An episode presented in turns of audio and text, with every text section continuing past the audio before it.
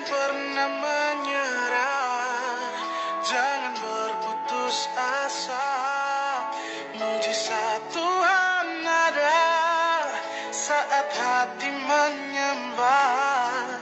Jangan pernah menyerah, jangan berputus asa.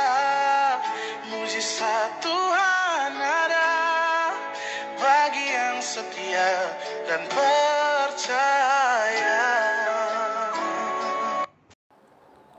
Salam, selamat pagi Bapak Ibu, Saudara yang dikasih oleh Tuhan dan sahabat podcast Cendrawasih News yang diberkati olehnya.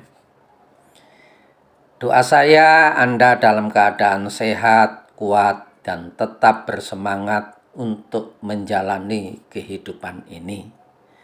Kembali saya Pendeta Samuel sharing kebenaran firman Tuhan, melanjutkan pentingnya berdoa beberapa hari yang lalu. Yang saya ambil di dalam 1 Timotius 2 ayat yang kelima. Demikianlah firman Tuhan itu. Allah itu Esa dan Esa pula dia yang menjadi pengantara Allah dan manusia yaitu manusia Kristus Yesus. Haleluya. Kita patut berbangga punya perantara yaitu Tuhan kita Yesus Kristus yang bisa menghubungkan dan menyatukan kita kepada Bapa di surga. Sahabat podcast yang dikasih oleh Tuhan, adapun yang melatar belakangi kita berdoa karena kita percaya bahwa di balik doa ada kepastian. Artinya, jika kita berdoa, kita pasti menerima jawaban. Memang di satu sisi Allah itu kudus, sementara di sisi lain kita berdosa. Namun Yesus telah hadir sebagai pengantara antara kita dan Allah sehingga doa-doa yang kita naikkan di dalam nama Kristus pasti dijawab oleh Allah. Memang Tuhan itu Maha Tahu, tetapi bukan berarti kita tidak perlu berdoa. Kita harus tetap berdoa karena Tuhan menghendaki hal demikian.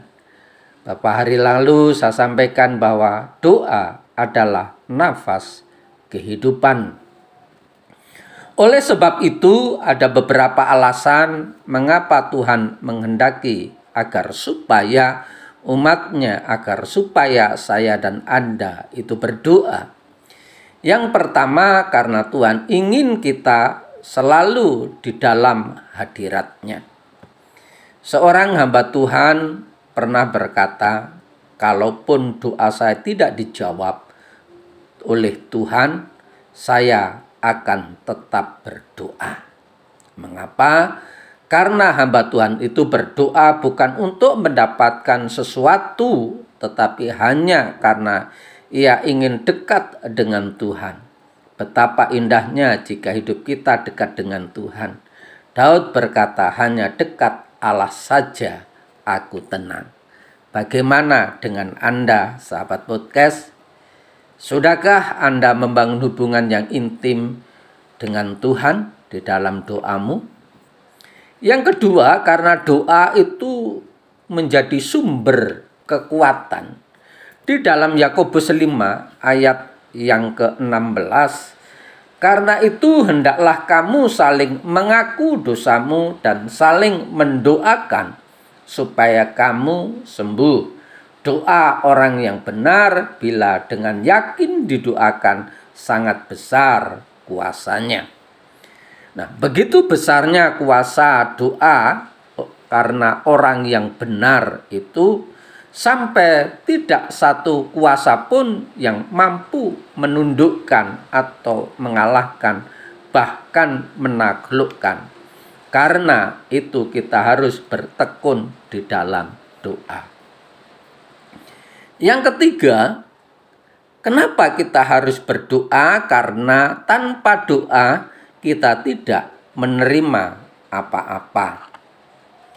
Setan tidak peduli kita rajin ke gereja.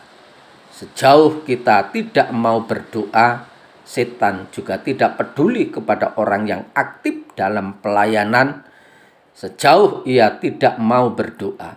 Sebab justru orang yang demikian akan dipakai setan untuk menghancurkan pekerjaan Tuhan.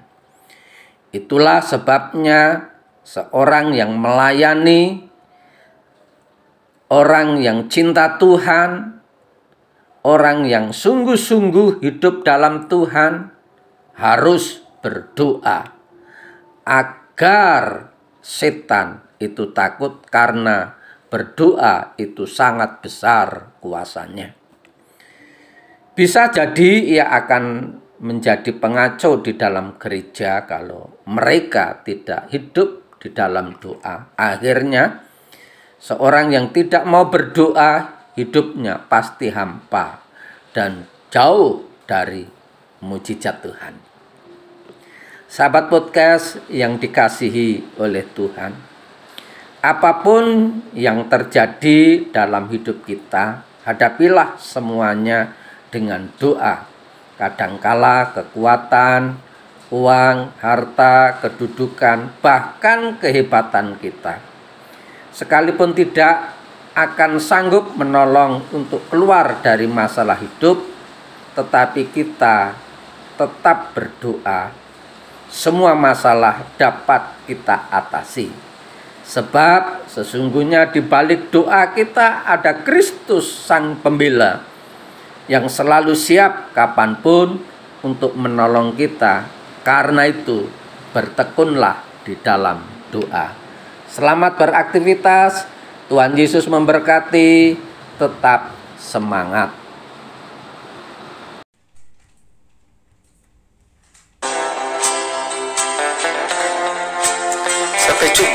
Hari.